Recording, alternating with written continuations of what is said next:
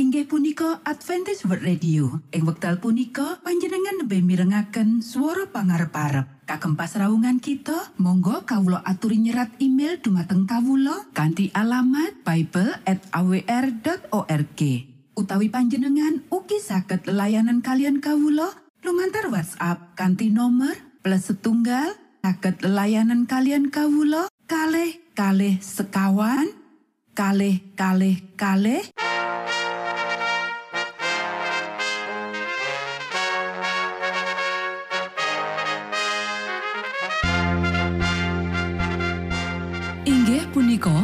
Adventist World Radio ingkang giaran kanti basa Jawi. Tentrem Rahayu kula aturaken kagem para mitra kinasih ing pundi papan lan panggonan. Sugeng pepanggian malih kalian Adventist World Radio. Kanti bingahing manah Kulo badi sesarengan kalian poro mitra kinasi. Lumantar saperangan adicara ingkang sampun rinonci. Mligi kagem panjenengan sami. Mugi giaran punika saged migunani tuwin dados berkah kagem kita sedoyo. Sugeng midhangetaken Gusti amberkahi.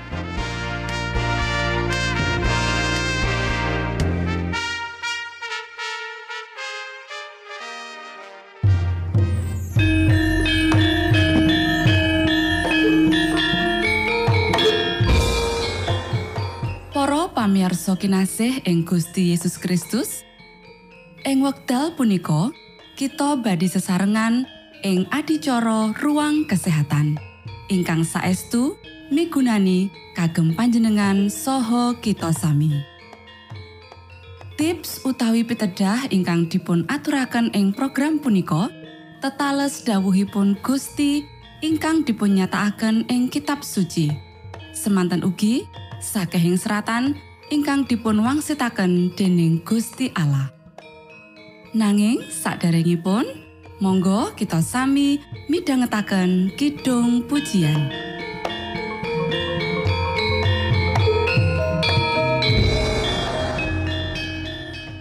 Monggo stiku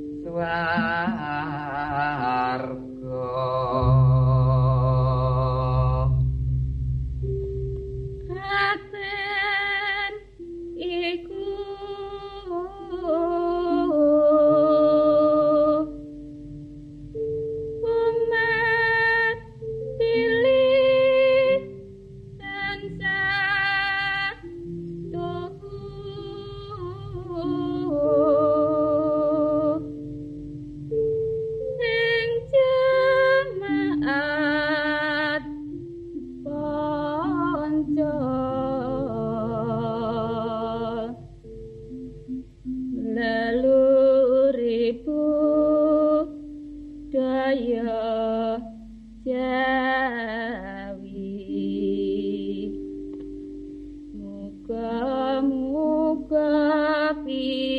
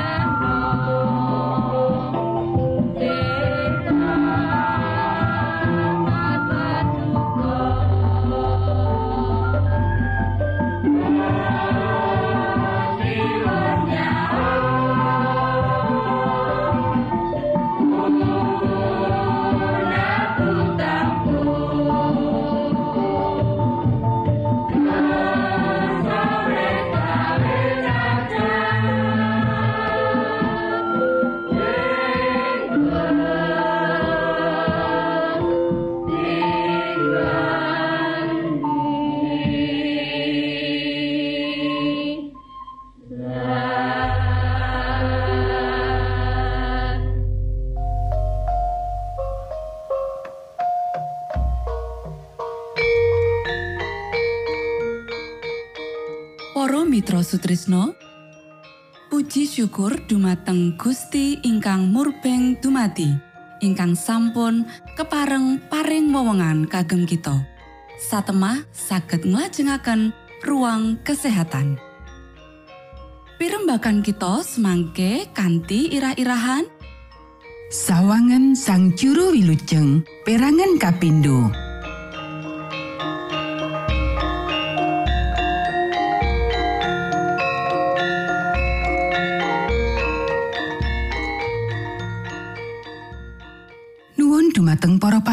Pamiarsa ingkang dahat kinurmatan, sugeng pebanggian malih kalian kula Isti Kurnaidi ing adicara ruang kesehatan.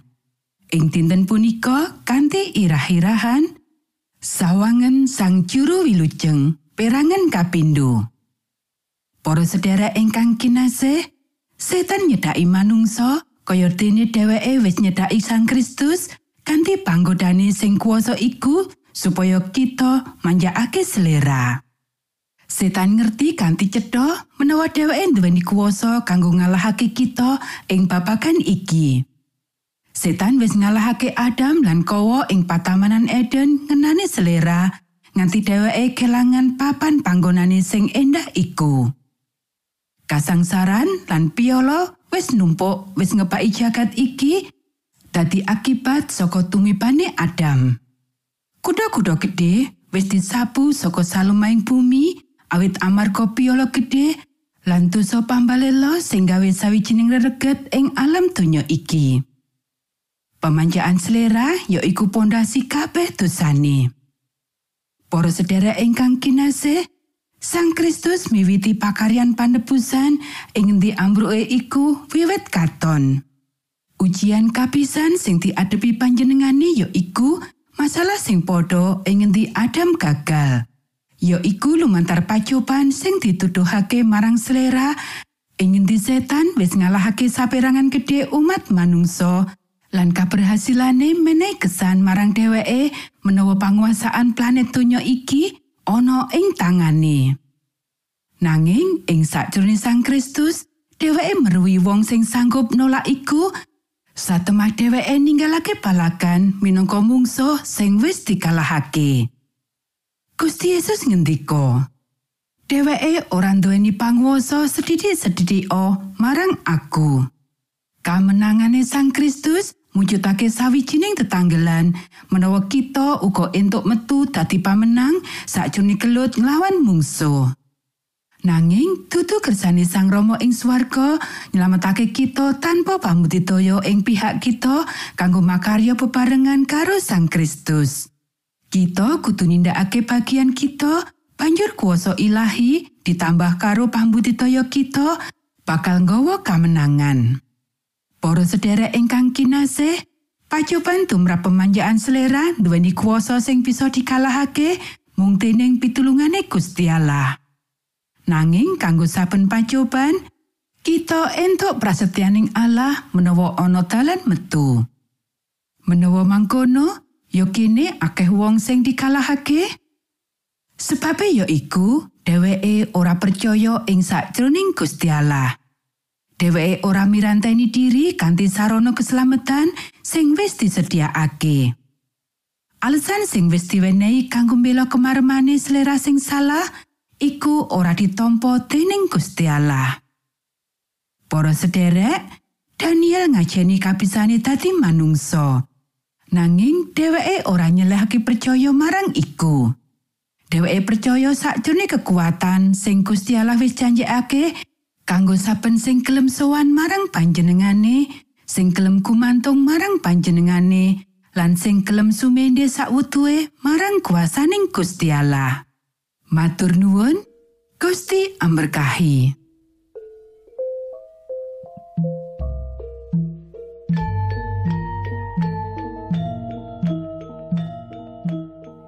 Cekap semanten pimbakan ruang kesehatan ing episode dinten punika. Ugi sampun kuatos jalaran kita badhe pinanggih malih ing episode sak lajengipun.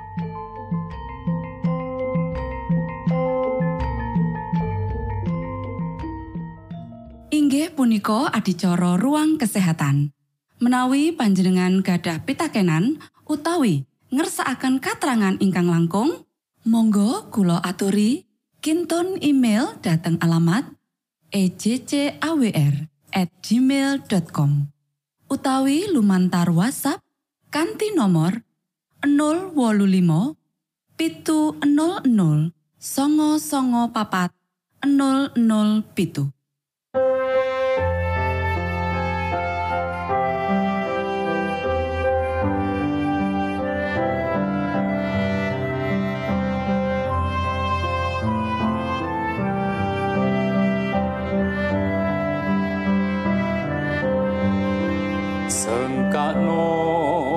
Gusti pranyoto tumrap kang wis meh mati lan tumrap kang ngelak samyo kapringan tirta sakti.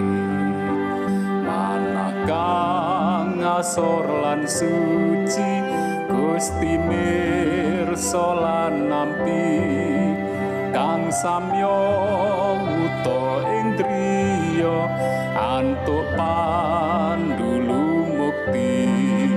Sengkakno asmeng pamarto ing ajeng ing projalmi. Sinupre mratobat samyo dados wargane Gusti. Sengkakno Gusti pranyoto wilujeng jalmi mreh Gusti kapinanggih tumrap ingkang matosi kata tiang sekeng sami ngupadi mreh basuki.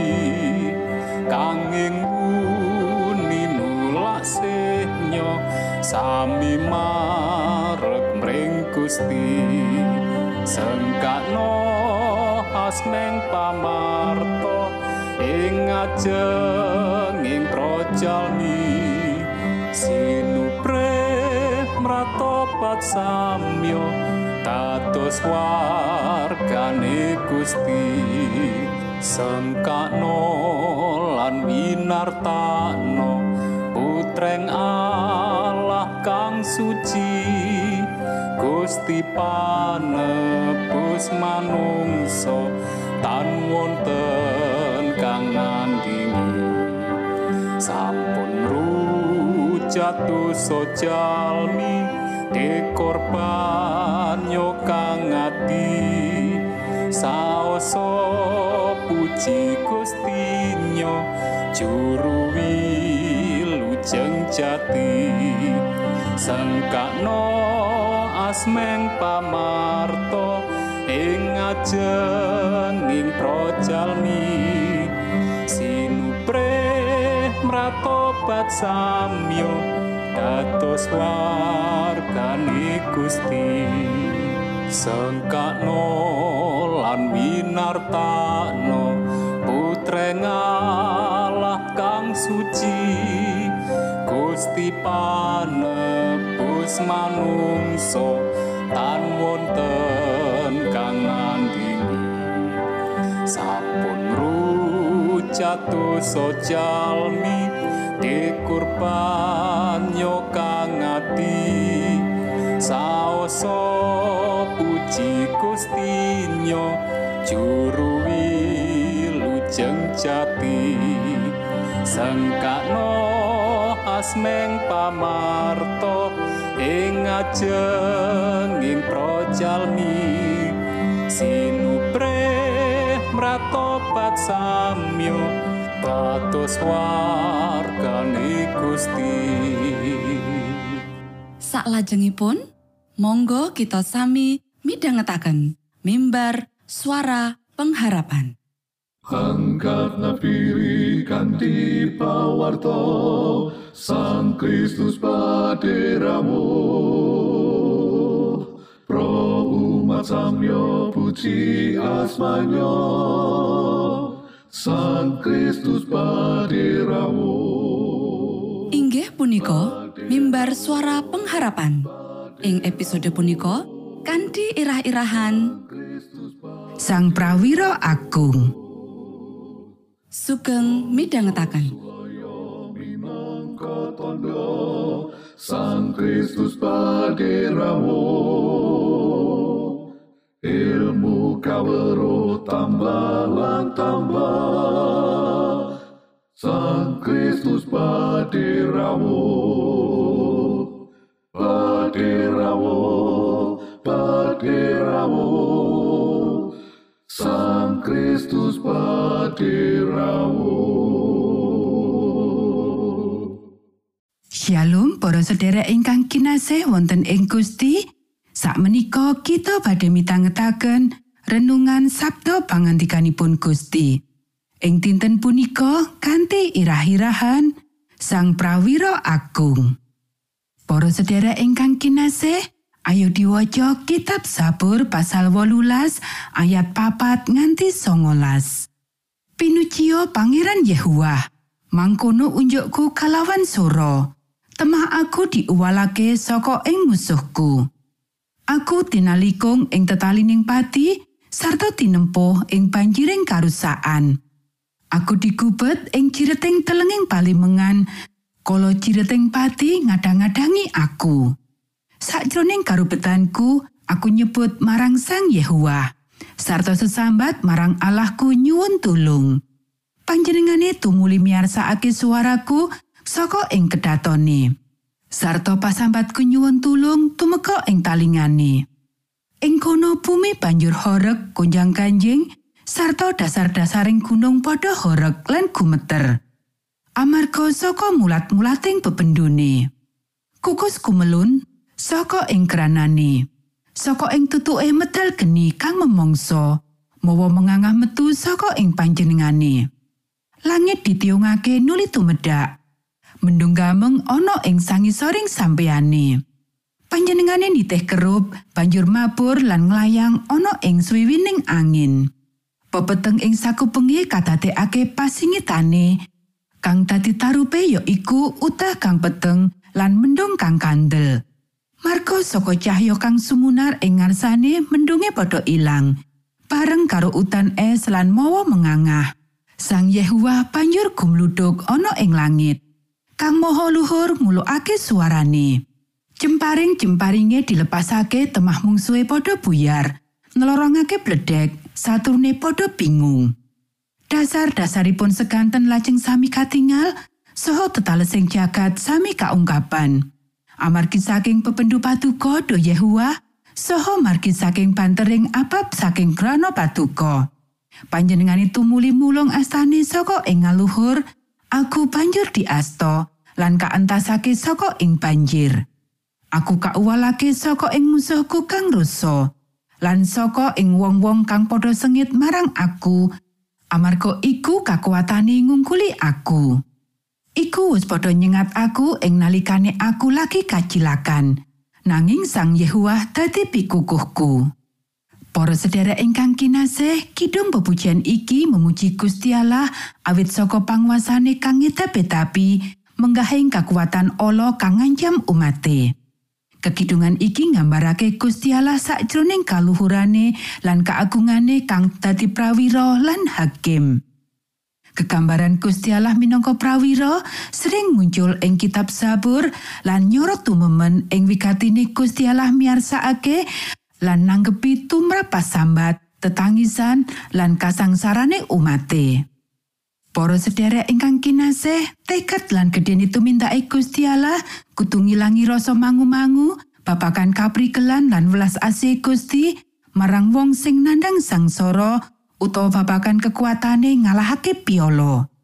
Kita mung kudu ngenteni Gusti Allah nindakake.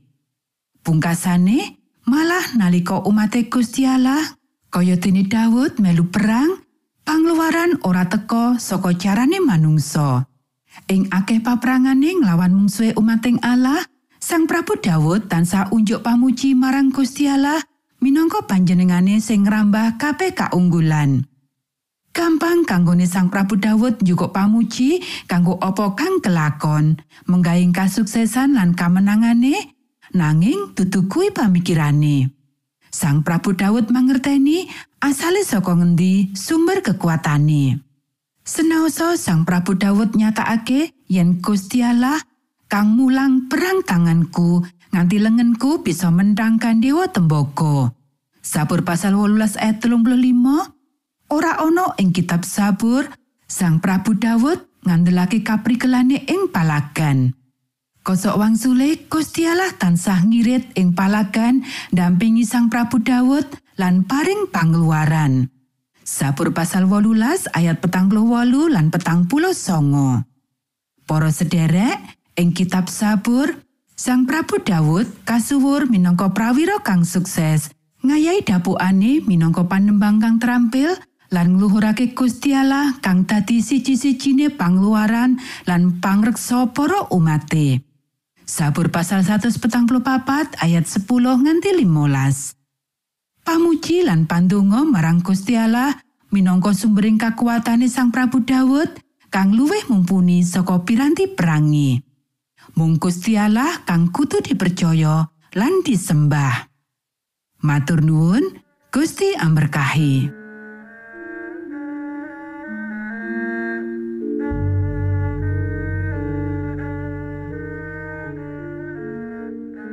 Para Mitra Sutrisno pamiarsa kinasih ing Gusti Yesus Kristus. Sampun paripurno pasamuan kita ing dinten punika.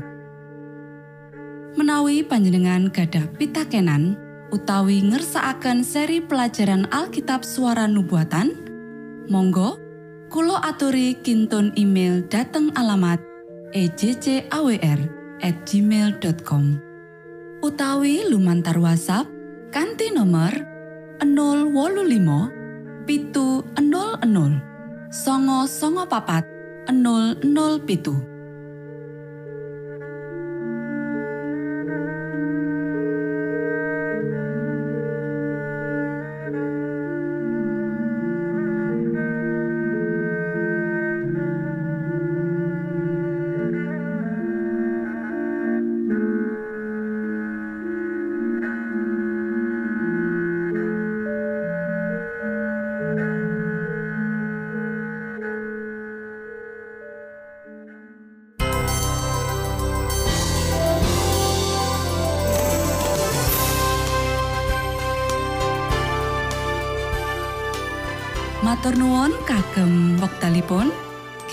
badhe pinanggih malih ing gelombang ugi wekdal ingkang sami. Saking studio kula ngaturaken tentrem rahayu. Gusti amberkahi kita sedaya. Maranata.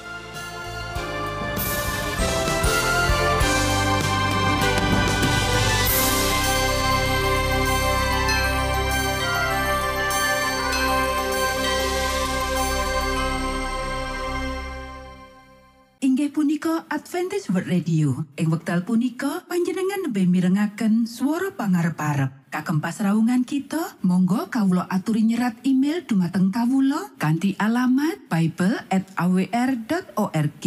Utawi panjenengan ugi saged layanan kalian kawula lumantar WhatsApp kanthi nomor plus setunggal saged layanan kalian kawula kalih kalih sekawan kalih kalih kalih